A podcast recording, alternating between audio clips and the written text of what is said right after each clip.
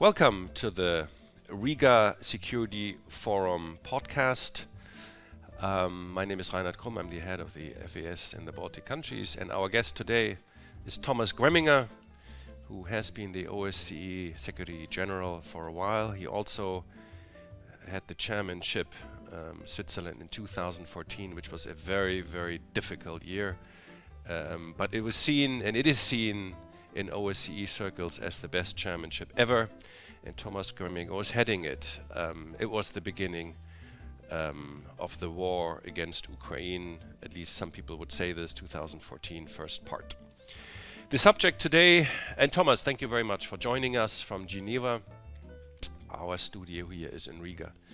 And um, if you want um, to have a look at the podcasts which have been recorded already, and for the following, you can go to www.rigasecurity.forum.liia.lv. The Latvian Institute for International Affairs is hosting um, these podcasts, and they, they're doing this for the uh, second time. Thomas, um, our subject today is um, how to make the Eastern neighborhood countries stable, secure, and prosperous. And if we talk about the six countries, I mean Armenia, Azerbaijan, Georgia, and the Southern Caucasus, and Belarus, Moldova, Ukraine, in uh, more in Central Europe, we are seeing an unstable neighborhood. We see an aggressive Russia which has attacked Ukraine, but also a country which laid instability in almost all the countries I just mentioned. Um, only Belarus so far has not a um, frozen conflict. Thomas, you have been, as I said before, the head of the OSCE. You have the have been the Secretary General. Um, you also um, are the director of the Geneva Center for Security Policy. You're you're dealing with these questions every day. So I'll start with a very, very broad question just to, you know, to, to come closer to the subject. So what can we do to make sure that these six countries are less uh, unstable, in other words, more stable, so they will be more prosperous, that's so important, more secure, without of course, you know, telling them what to do. This is not the point at all. Working together. Is there anything in your experience what can be done right now? Well, first of all, thank you very much, uh, Reinhard, for uh, inviting me to this uh, conversation. Um, and indeed, the, the, war does not make uh, a, constructive discussion um, on these uh, so-called in-between uh, states uh, easier, even though we, you know, would have acknowledged it as one of the most fundamental uh, challenges to European security, uh, but but clearly, um, and, and, even uh, in a pre-war setting, I haven't really witnessed a, a constructive discussion. The war makes it even uh, more challenging. And uh, I would say, you know, the, the, starting point uh, of a, a, constructive discussion could be um, a, negotiated uh, end to this war that would be perceived by main stakeholders, including, of course, Ukraine, as as fair. And a, a, fair end to the war i think would uh, in a way uh, provide um, an environment that would at least in theory uh, allow for a constructive uh, uh, discussion. If there is you know a, a, clear winner to the war again i i suspect that then the answer to the, the future of the in-between uh, countries would be relatively uh, uh straightforward uh, in the sense that uh, Uh, uh, basically uh, the in-between states would, to a large extent, perhaps not all six, but most of them would, you know, gradually join the camp of the winner. if there is not a clear winner, I think the challenge of dealing with these states constructively will stay with us and and again uh, but to respond to your question what would be uh, you know what is possible right now uh, uh i think as long as uh, the war is ongoing I, I, don't think that we can have a constructive discussion. And and a good starting point would indeed be a negotiated end to the war that would be considered to be fair. If we look at um, uh, the three dimensions, um, uh, and I'm, I'm, I'm basically concentrating now on Moldova um, and uh, and Ukraine and Georgia, since they do have the association agreement with the EU. Then we're looking at hard security, we're looking at the economy, and we're looking at the human dimension, and these are the three baskets of the OSCE.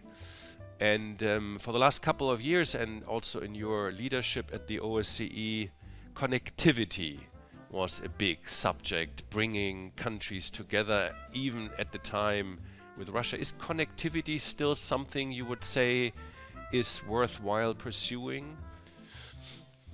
Uh, definitely, um, but I think uh, connectivity should also be, you know, perceived to be. Uh, more than just a technical concept. Uh, I think it uh, initially uh, when we launched this discussion on connectivity in an OSCE setting, it was clearly perceived to be a, a, a political concept, uh, um, uh, meaning uh, that you know countries, and in particular those countries in between, they should actually be also turned into uh, bridge countries, economically speaking, that is, uh, countries should, uh, while uh, they would probably choose uh, um, a path of stronger integration into the European Union, that they would or could do so um, without, you know, basically then um, kind of uh, joining exclusively one uh, camp uh, without you know uh, having a, a, possibility to continue uh, interacting economically trading um, uh, investing etc into the other camp. So it i think we should prevent these countries from a, a, either or choice. They should have a possibility to go uh, for a, a, process of uh, uh, rapprochement uh, to uh, the uh, EU economic sphere without, you know, having to totally lose um, ties with uh, the uh, European, uh, with the Eurasian Economic Union, with the Russian Federation, and I think that would be my political understanding of connectivity, allowing uh, these countries uh, to do both, uh, get closer to that economic sphere that they would choose. And my assumption would be that for the bulk of these countries, this would be the European uh, Union, uh, but without then abandoning, you know, uh, economic ties with the other economic sphere. Yeah, the problem is that um, before uh, the 24th of February, um, this concept was um, again and again um, offered. But I wonder how serious that was. Um, my impression is that uh, also the EU, um, I think Barroso has a very famous quote on that. It was the either or. It is you're either with us or you're with somebody else. Now Russia has enforced that, even though um, I'm, I'm, not, you know, I'm not really sure that's that's that's the real reason um, for all this. But um, so, should the OSCE do more on this, um, uh, or is the OSCE, um, and you know all perfectly well, uh, at the moment an organization? because of the huge polarization, is not really able to do that? Or could it, after all, you know, work on these three dimension. You mentioned uh, also the second connectivity, but also on the other one, the human dimension.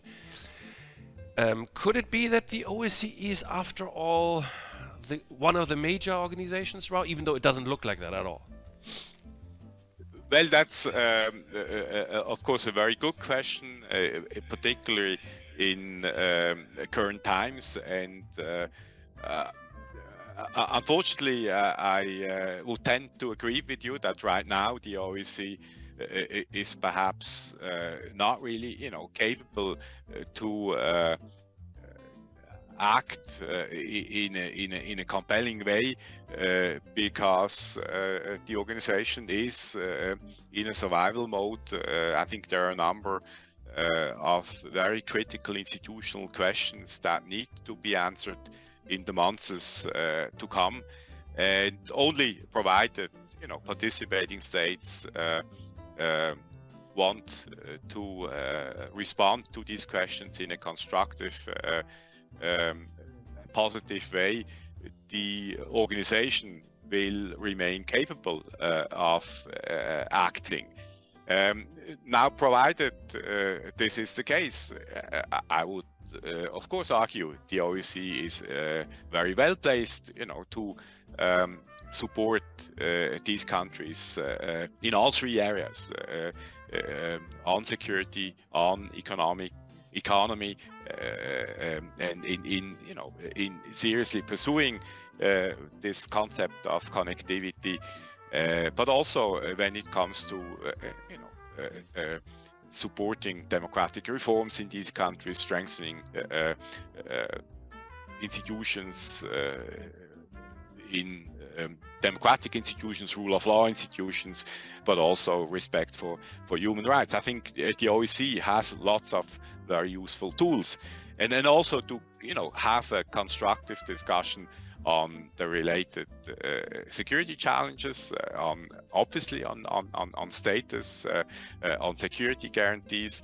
Uh, uh, in theory, the OSCE would be well placed to conduct these kinds of, of discussions but I think uh, in uh, the immediate future, uh, participating states of the OSCE will have to make sure that the organization is uh, is actually surviving and and uh, capable, you know, to act, to assume these kinds of uh, um, purposes in in the future.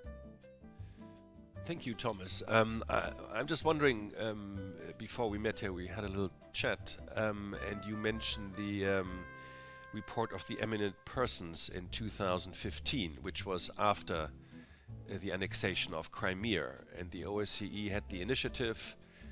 I think it was your initiative, as a matter of fact, um, to have an eminent person panel. Um, you know, people who are still willing to think about the future and the report came out in 2015, and the headline was Back to Diplomacy. Now, that was a bold statement, um, you know, after the annexation of Crimea. Would it be feasible? Would it be a good idea, again, to have this kind of uh, panel with people who are still willing to look into things and possibly also concentrating, of course, on the uh, countries of the Eastern Partnership, the geographically in between countries, meaning between the EU and Russia. What do you think? Well, I would definitely say that most of the recommendations, if not all, uh, of this uh, report uh, by the panel of eminent persons uh, is uh, these uh, these recommendations are still very much valid. Um, but but I think it's worthwhile, you know, reminding us why um, we launched the reflection of this panel of eminent persons. And this was basically um, once uh, we did some partly successful um, work on preventing a further excel, uh, um, escalation of what then was called, you know, the crisis in and around Ukraine. Uh, um, we felt uh, in the course of summer, um, we felt, well, but okay, crisis management is important. It's important to prevent a further escalation. Um, um, even though it's true, uh, we could not prevent the illegal annexation of, of, Crimea. But I think what we managed to do is, is prevent um, an escalation of the crisis into something you know that would spread all over the region. And and and here i think uh, the OSCE uh, managed to show the effectiveness of its uh, conflict management tools. But the question was now what to do with the root causes of uh, these tensions, you know, with this uh, conflict between, let's say, Russia and the West uh, that had been simmering for, for, for quite a long time and um, and and we felt this conflict would need to be addressed. Um, only uh, it was quite obvious that governments, track one actors uh, at that time had absolutely no appetite to, to uh, in particular after the annexation of Crimea, to move into such a discussion, um, uh, um, including uh, with the Russian Federation. So the alternative was indeed to launch experts uh, and, and have them reflect uh, on how to tackle uh, these root causes uh, uh of, of uh, tensions and, and this widening gap between Russia and the West in European security. And, and I think we, of course, launched this work very much with the perspective that at some point uh, the crisis scene around Ukraine uh, would be uh, solved, uh, uh, the conflict settled, and we could then move on to discuss um, these more fundamental issues. Uh, now, as we know, um, we did not manage to resolve the conflict um, in Ukraine, and the, the conflict kept festering and Um, so uh, uh, and then uh, even you know escalated uh, uh, further at, on the 24th of, of February this year. So the question is, you know, what can be done today? you know, I'm not sure that it would make sense to relaunch uh, another panel of experts but i would definitely say it is important that you know think tankers experts uh, keep reflecting uh, you know what would happen if this uh, war would come to an end how could we get back to a European peace and security order that indeed contains um, some uh, elements of cooperative security beyond uh, a simple reliance on deterrence. I think uh, this kind of reflection is important, and and I think we better uh, you know, uh, conducted uh, now in order to be ready should the political environment become more favorable. Thank you, Thomas. Um, there is the new national security strategy out of the United States of America. Um, you know, there have been discussions on that. And one of the criticism is um, it is basically what the US has always been doing um, now the time is difficult, but they do want to continue and kind of do it better. Um, but the environment has changed completely. So the criticism is this is a wish list, and there is no way that the US can do that. I don't want to go in details. I just want to come back to the wish list. Um, a strategy is basically to define what you're aiming for and then you also define the instruments you would like to use or you have on your uh, you know you, you have on your hands to achieve that. And here's my question. So what exactly um, are we aiming for? And let's be specific now uh, for ukraine. And again if we say or if i'm saying we of course we include ukraine. Um, what are we aiming for? Um, and what are our instruments to achieve it what would you say? Um, and at the same time, be, be realistic. How would what, what is it what we are aiming for, or Ukraine is aiming for with us, or the vice versa? Well, I, I, I think we need to acknowledge that uh, while uh, there is uh, uh Western unity when it comes uh, to uh, defending and protecting Ukraine, um, there, at the same time, um, I think, quite different objectives when it comes uh, to the end state uh, of uh, you know what we expect to uh, um, get at Uh, at the end of this war. I think there are those that uh, yeah simply want uh, to protect Ukraine, its territorial integrity, its legitimate uh, uh, right for for statehood. And then there are those, uh, you know, that want to go much further, that would like to see Russia strategically weakened for the next 30 to, to, to 50 years. And, and I think depending on uh, the objective, uh, you will have to uh, also choose different different instruments. Um, a second point that I would like to make, uh, and, and this is uh, it, it, it's uh, obvious, uh, but I think it, needs to be said.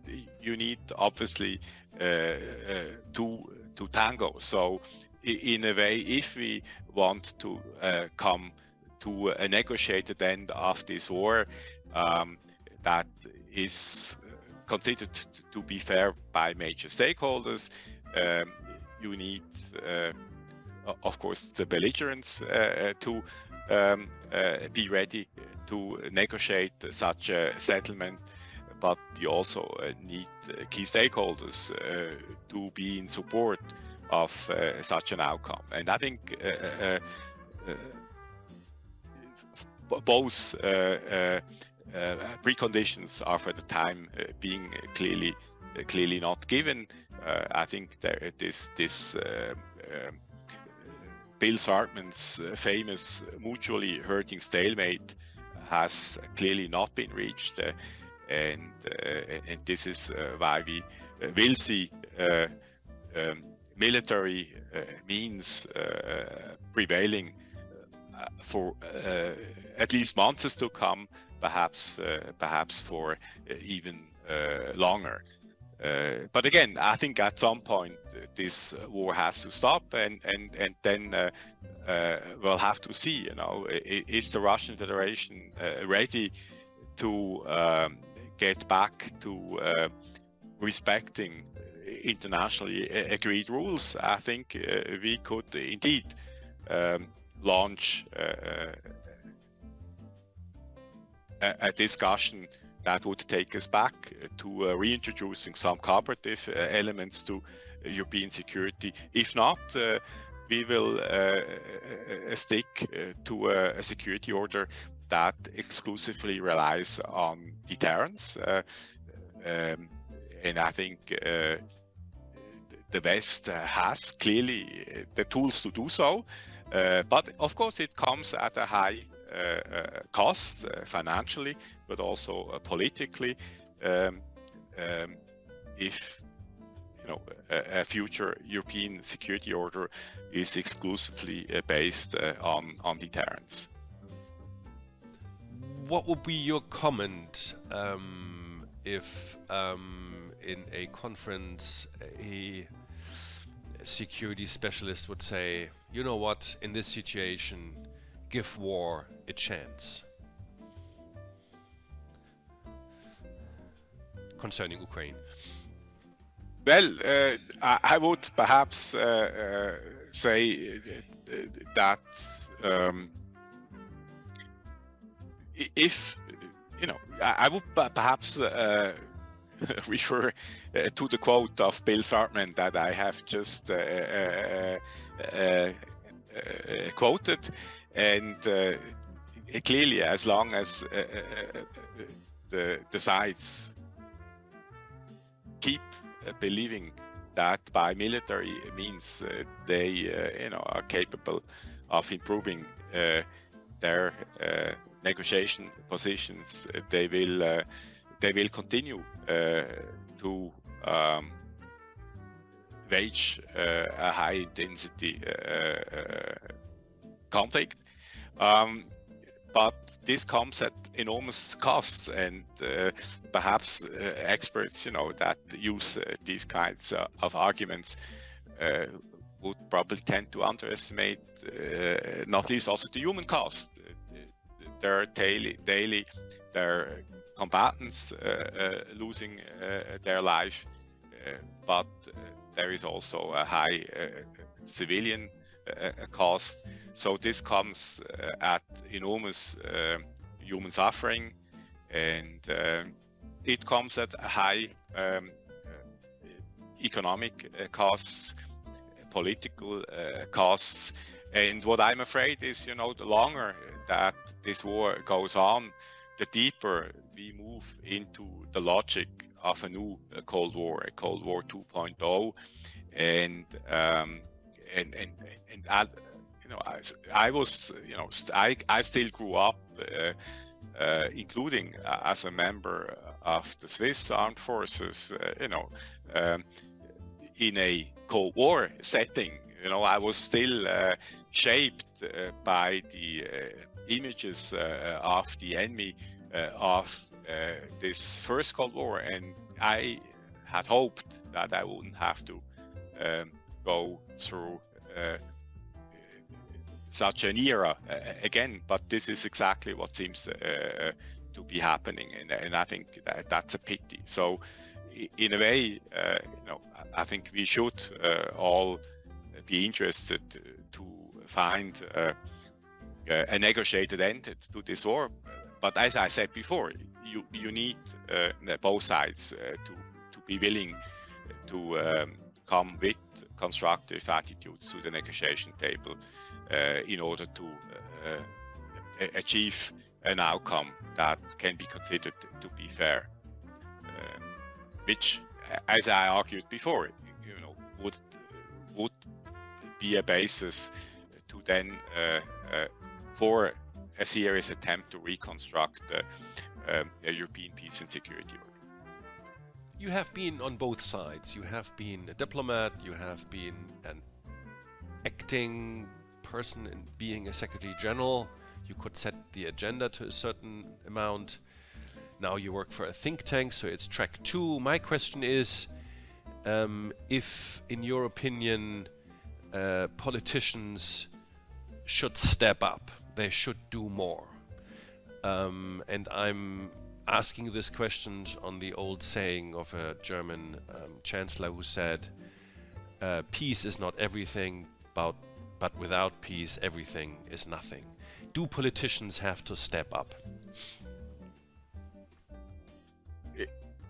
In principle, uh, absolutely. I think we we need political uh, leadership if we want to get out uh, of this uh, um, current uh, impasse in in uh, European security. There is no doubt about it, and I think I would also argue there was not enough political leadership over the last uh, years in terms of seizing opportunities. You know, to bring um, uh, answers uh, to these uh, conflicts between Russia and the West, between Ukraine and, and the Russian Federation. I think these conflicts uh, would not have uh, needed to turn into into a war. And I'm saying so, you know, without uh, wanting to give any legitimacy uh, to uh, the, the, the brutal Russian invasion um, um, in in Ukraine. Um, from the 24th of February on, I, am I'm, I'm simply saying I think there were missed opportunities over the last decade in addressing, mitigating uh, these uh, conflicts and, and, and um, lowering the tensions. We all, you know, saw the tensions um, rising, and, and I felt there was not enough done to counter uh, these trends.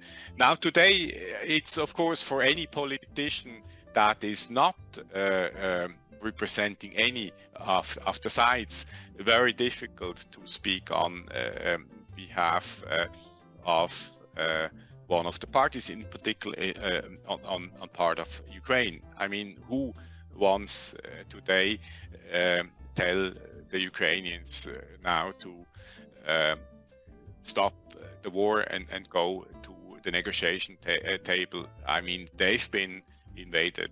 Uh, uh, their territory has been occupied. So I think um, for a politician these days to give wise advice uh, is, is, is very challenging um, because at the end of the day, it's uh, the Ukrainians uh, uh, themselves that need to come up with a decision at what point they want to resume the political strategic negotiations with uh, the Russian Federation. So I, you know, I have uh, a lot of sympathy for a reluctance of politicians uh, to give wise advice right now. At the same time, I would of course wish we could find an end of this uh, war as quickly as possible. That was Thomas Greminger, former Secretary General of the OSCE and now the Director of the GCSP. Thomas, thank you very much for a very thoughtful analysis. Um, I think this is very much in the spirit of the OSCE and very much in the spirit of the GSCP. Thank you very much. Um, thank you very much to the audience, and uh, we'll see you soon. Thank you.